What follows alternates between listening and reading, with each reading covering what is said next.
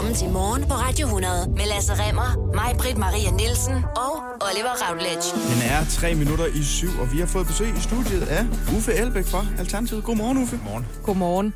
Er du en træt mand? Er du ved at være øh, overvældet af den her valgkampsperiode? Nej, det er, man er ved at være mør, ikke? Ja. Altså, nu er vi inde i den fjerde uge, så det er en lang valgkamp. Hvad men gør det er, du? Men, det, men det, er også, det er også en interessant valgkamp. Altså, det, det er sjovt, synes jeg, fordi... Det, det er noget af det vildeste, jeg nogensinde Ja, har ja, været så øh, det, på den ene side er der lagt nogle øh, sindssyge dynamikker ind, altså med Rasmus Paludan og Stram Kurs, og det starter ud med, at Mette Frederiksen meldte sig syg, og, og pludselig så... Øh, Apropos Mette Lars, Frederiksen, Lars Lykke, der hun afslørede nej, sidst- Nej, lige gør det færdigt. Lars Lykke øh, pludselig siger, at han har lyst til at gå, øh, gå ind og, hvad hedder det, lave regering med Socialdemokratiet. Så på mange måder har det været en, en vild valgkamp, og samtidig så er den meget lang, så der er også sådan noget, sådan noget ro over den. men hvis jeg så må det, det, er spørge, noget, det, det, det er meget, meget specielt. hvad gør du for at holde dig frisk? Fordi apropos Mette Frederiksen, hun har afsløret øh, forleden, at hun øh, kunne tage en lille halv banan for at holde sig frisk, øh, i det, der svarede til 30 km mærket i et maratonløb. Ja. Hvad gør du?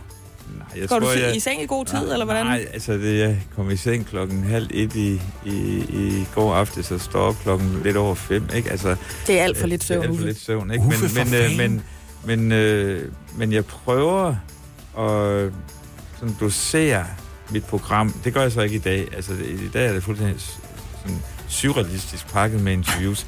Men, men ellers så prøver jeg at sige, jeg må ikke, jeg må ikke øh, bruge alt krudt i starten, så jeg prøver at sådan balancere min energi. Hvis du vil dosere en lille smule af det til os her på morgenholdet frem til klokken halv otte, så bliver vi så glade. Vil Ja, du det skal jeg nok gøre. Jeg er faktisk øh, rigtig jeg er i godt humør.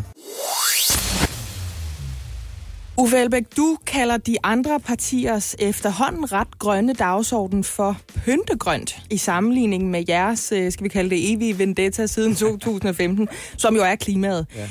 Det må eddermame gøre nalletår på jer, at I var de grønneste, synes I selv, og sikkert også mange andre, men så fik I ikke engang en enkelt plads her til Europaparlamentsvalget. Altså, selvfølgelig var det en bomber, at vi ikke fik, en, øh, ikke fik øh, Rasmus ned til Bruxelles, men omvendt, så øh, er vi faktisk glade over det resultat. Vi fik 3,4 procent. Øh, det er første gang, vi stiller op til EU, øh, eller EP-valget.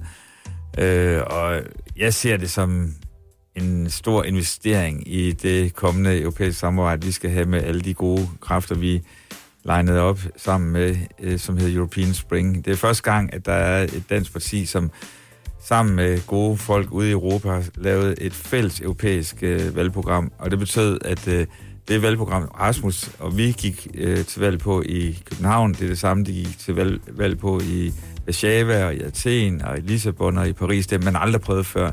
Så altså, jeg synes, det har været både til alle pengene og alle tiden værd, øh, uagtet at vi godt ville have haft et, øh, et medlem dernede. Det er klart. Øh, Du får, tror jeg godt, vi kan sige, uden at fornærme nogen, og selvfølgelig allermest dig selv, skyld for at være lidt den skøre dreng i klassen. I går der havde vi Christian Thulsen Dahl herinde, og mm. han sagde, at øh, nogle gange, når partierne, særligt i en valgkamp, foreslog et eller andet, så var det ikke sikkert, at det hang helt sammen. Når Alternativet foreslog noget, så hang det aldrig sammen. Skal du og dit parti, og særligt efter Europaparlamentsvalget, øh, og de der møgssager, der har været om, du ved, borgmesterkontor og, og disses indretning og dykkerrejser, hvad har vi, til at arbejde lidt på det der useriøse, det siger jeg i citationstegn, mm. øhm, eller sådan meget øh, flyvske alternative Jamen, det er jo, image. altså, jeg synes jo, det er noget vrøvl, ikke? Altså, jeg synes, det er noget hamrende vrøvl øh, og øh, politisk øh, drilleri fra øh, konkurrenten, ikke? Altså, vi er om nogen et seriøst parti, øh, både inde øh, på Christiansborg og ude i de, by, i de 15 byråd øh, og tre regionsråd, vi har folk valgt ind til nu. Altså, vi øh, måler jo altid vores politik op af klimavidenskaben og siger, hvordan, hvis vi skal tage klimavidenskaben og klimaudfordringen alvorligt, hvad er det så for en politik, øh, vi skal formulere? Og hvis øh, der er et parti, som altid siger, at hvis vi bruger en krone, så skal vi også finde en krone. Så altså, når vi går ned i salen med politiske udspil, så er de altid 100% øh, finansieret. Til gengæld, hvis jeg har haft Christian Tusinddal her i stu- studiet, så har jeg spurgt ham, hvordan hænger jeres øh, økonomi sammen? Altså, hvis der er noget parti... Så har du der... sagt, hvad med dig selv? Ja, lige nøjagtigt. Hvis, hvis der er noget parti, som er kommet ud med det ene store udspil, som er fuldstændig ufinansieret, og hvis man lader alle deres udspil sammen, så vil det overhovedet ikke kunne hænge sammen med en finanslov. Så altså, ja tak, det, det Christian Susendal siger, som, som uh, enten uh, en dårlig dag i studiet herude, eller almindelig dårlig drilleri af en kollega. Uh, men uh, fred med det. Altså, det er deres stil, det er ikke vores. Nu du siger, øh, hvad med jer selv? Nogle gange virker det jo også den modsatte vej. I går var det Mette Frederiksen, der måtte stå på mål for den beslutning, at fremover skal alle Socialdemokraternes øh, kandidater hen til valget lige afstemme med valgkontoret, ja. øh, med partikontoret, hvad de går ud og melder ud. Det virker lidt som om, prøv at høre, vi har sejren. I skal bare lade være med at tabe bolden Don't fuck it up. i eget straffesparksfelt. Den stemning kunne, kunne da Ja. godt være lidt. Så lad os prøve at vende den om øh, en lille smule. Det er da det mindste en indrømmelse af, der er noget topstyring undervejs. I mistede et par topfolk for nøjagtigt to måneder siden i dag. De anklagede jer for topstyring, og det siger I selv, I ikke har. Uffe, er I et topstyret parti eller ej? Ja, det er helt paradoxalt, ikke? Fordi nogen synes, at øh, der er alt for meget topstyring i Alternativet, andre siger, at der er alt for lidt. øh, jeg er nok den, den, der synes det sidste. Sagt med smil. Ja, du vil gerne bestemme mere. ja, det er, nej, det, nej det, vil jeg, det vil jeg faktisk ikke. Jeg synes, at vi har den organisation, øh, vi skal have. Øh, og når du siger, at øh, der var to øh, personer, som øh, gik fra hovedbestyrelsen, så er det jo rigtigt, men det var altså ikke topfolk. Altså, og det er ikke, fordi jeg skal disse dem, men altså, de var valgt på det aller, aller yderste mandat. Øh, og de er desværre en, øh, en øh, track record, at de også har gjort det i sin tid, øh, da de sad i bestyrelsen. Øh, Ah, come i on, du er selv- Københavner, du- øh, Havner, Havnerforeningen. Og, og jeg Du siger har det, selv fordi... siddet som minister for de radikale. Kom nu, du må ikke drille folk for at springe fra post til post. vel? Nå, nej, nej, jeg siger bare, at øh, altså, i... Så er du på al- den radikale al- al- kurs. Nej, nej, nej, nej, i al ydmyghed, altså... Altså, når man... Det ved jeg ikke. Det er Nej. også dårligt. Når, når, man, når man bare siger, at det er topfolk, så har jeg det bare sådan... Ah, men, men det, betyder jo ikke, medier det, betyder, det. det betyder jo ikke nødvendigvis, at, hvad hedder det, at øh, en øh, kritik ikke skal tages alvorligt. Det, det synes jeg er fair nok. Uffe, men, men, øh, men, øh, jeg Må jeg synes, vi stoppe dig, nogle- fordi vi skal nemlig videre til... jeg synes, vi har en... Noget hedder- andet? Ja, jo, men jeg vil bare lige runde den af. Jeg synes, vi har nogle fantastisk gode folk i organisationen. Mm. Øh, og jeg er rigtig, rigtig glad for der, hvor vi er. Det er godt. organisatorisk. Det, som dig og de her fantastiske folk blandt andet gerne vil arbejde for, det er øh, simpelthen en omlægning af regeringsapparatet. Det bliver ja. noget med klima og nogle bøffer og noget arbejdsuge, og det skal vi snakke om lige om lidt.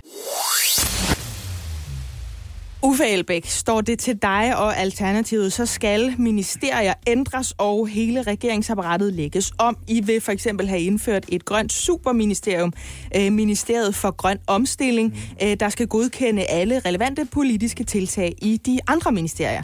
Øh, klima står, som vi har nævnt, øh, øverst, aller, aller øverst på jeres grønne dagsorden, til trods for et ret kedeligt øh, EP-valg, som du alligevel er okay tilfreds med. Ja. Men det betyder blandt andet, at Danmark, hvis det står til jer, skal investere 80 milliarder kroner i grøn omstilling over fire år, og der skal også indføres afgifter på flyrejser og kød. Den historie, den kender vi.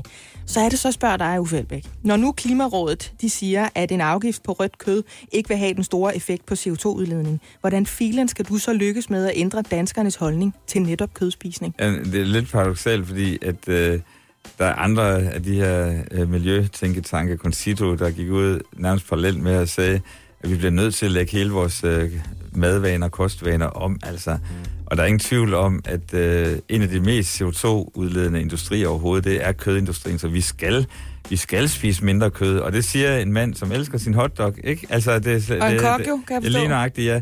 Men, men, øh, men ja, jeg har også lagt min, min, min kost om, øh, og det er ikke fordi, vi skal ud på sådan en eller anden moralsk øh, vendetta over for folk, men øh, vi, jeg tror, med de udfordringer, vi står overfor, klimaudfordringer, vi står overfor, så skal vi ændre så mange ting i det her samfund. Den måde, vi transporterer os på, den måde, vi bor på, altså bygger på, øh, det vi køber. Øh, og en af de ting, som vi i hvert fald skal være rigtig, rigtig opmærksom på, det er eksempelvis, øh, hvor meget kød vi spiser. Øh, og hvis hele verden spiser så meget kød, som vi gør i Danmark i dag, jamen, så var der ikke en regnskov tilbage, øh, fordi at man ville bruge det til at, at opdyrke foder til, til kvædet. Ikke? Så, så øh, det- det skal vi. Det er en bunden opgave, og hvis vi ikke løser den, så ople- har jeg det sådan, det er et, altså et kæmpe generationssvigt. Altså, hvis, hvis vi voksne ikke kan finde ud af at ændre nogle ting for at redde den fremtid, som vores børn og børnebørn skal leve i, hvem er vi så? Og den der rovdrift på planeten, som I, øh, som I mener, vi gør skyld i fællesskab, hænger vel også sammen med den rovdrift, vi gør på os selv. Altså det der stressede samfund, I gerne vil være med til at Ja. afskaffe. I siger, at I vil gerne indføre en arbejdsuge på 30 timer mm. og give alle borgere ret til et arbejdsfrit år hver 10. år. Jeg er børneforælder. Jeg synes, det lyder super godt. Jeg tænker også ved mig selv, hvem betaler regningen? Jamen, det skal vi jo til sammen, kan man sige, ikke? Altså, da jeg kom ud på arbejdsmarkedet nu, altså jeg, for dem, der må, måske ikke ved det, så fylder jeg 65 til sommer. Øh, og da jeg kom ud på arbejdsmarkedet, i sin, da jeg var ung, ikke, der arbejdede vi 42 timer. Og i dag arbejder vi 37. Ikke? Det vil sige, at vi er gået 5 timer ned. Er vi blevet et fattigere land?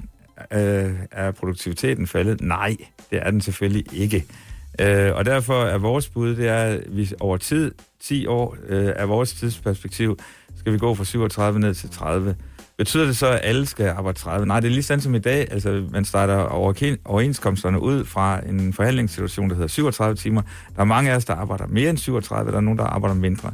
Det, der bare er vores pointe, det er, at vi tror på, at vi skal have et meget, meget mere fleksibelt arbejdsmarked, hvor i vi, nu nævnte du selv, øh, Lasse, hvad hedder det, at børnefamilier, der kan være perioder af ens liv, hvor man faktisk, det vil være rigtig, rigtig dejligt at kunne arbejde mindre.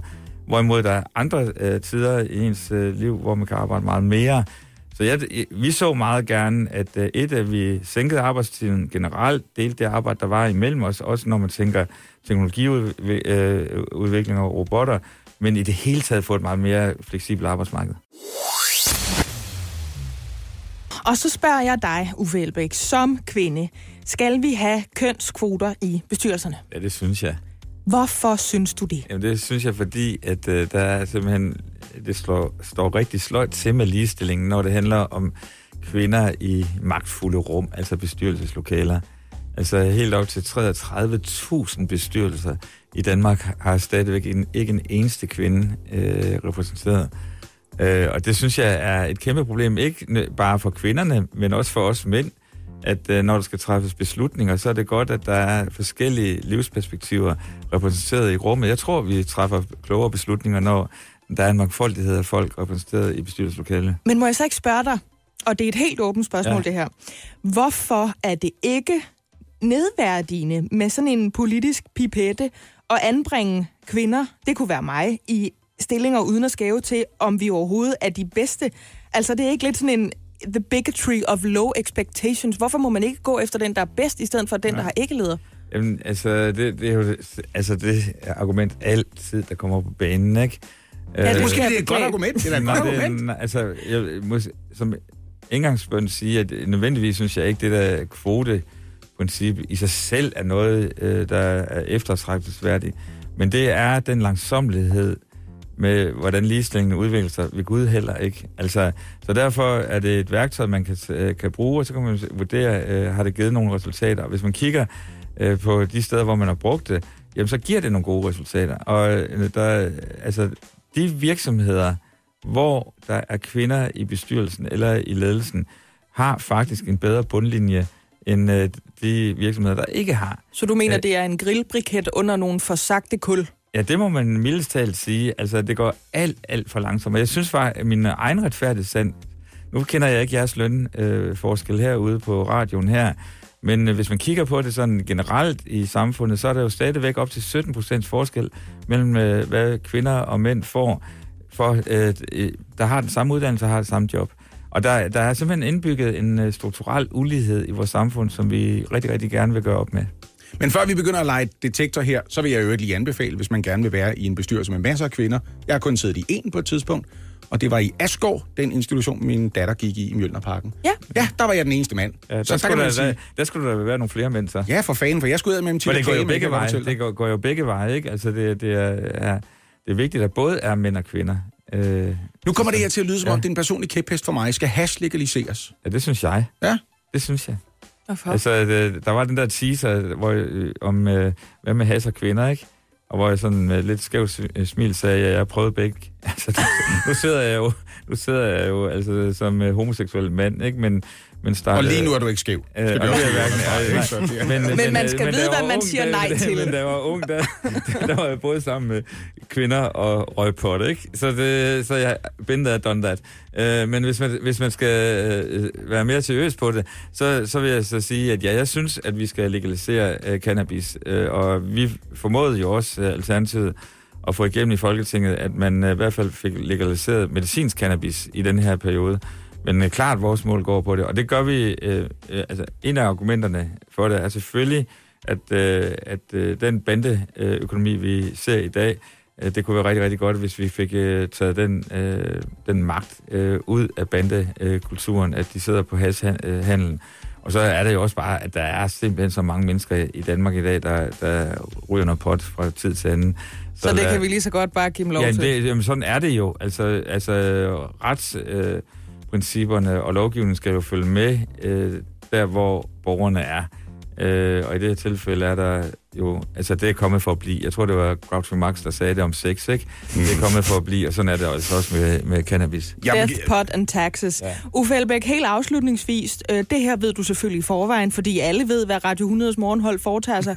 Men vi har et vendetta, øh, der ikke så meget handler om klima faktisk, som det handler om, at vi vil have 100% valgdeltagelse den 5. juni. Det er en god ambition. Ja, det er ikke det. Jo. Øh, vi er ikke så interesserede i, hvem man stemmer på. Nej. Vi er bare interesserede i, at man bruger sin demokratiske ret.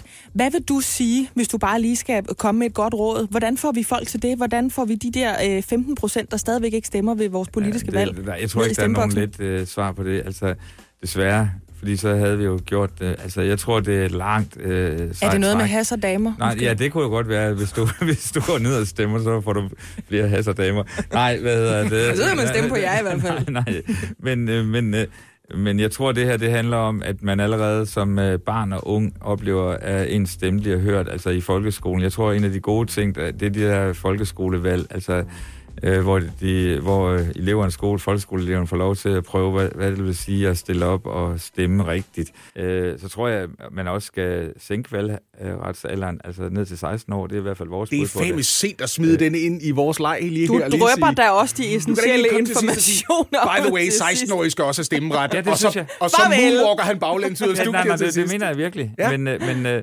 Øh, men så hvis Ellen skulle lave en kvik øh, afsluttende svar på det, så har jeg det jo sådan, at øh, hvis man ikke stemmer, så må man ikke brokke sig de næste fire år. Sådan har vi det faktisk også lidt. Uffe Elbæk, politisk leder af Alternativet. Rigtig god valgkamp, og tak, tak fordi du, du kom. Tak skal du have.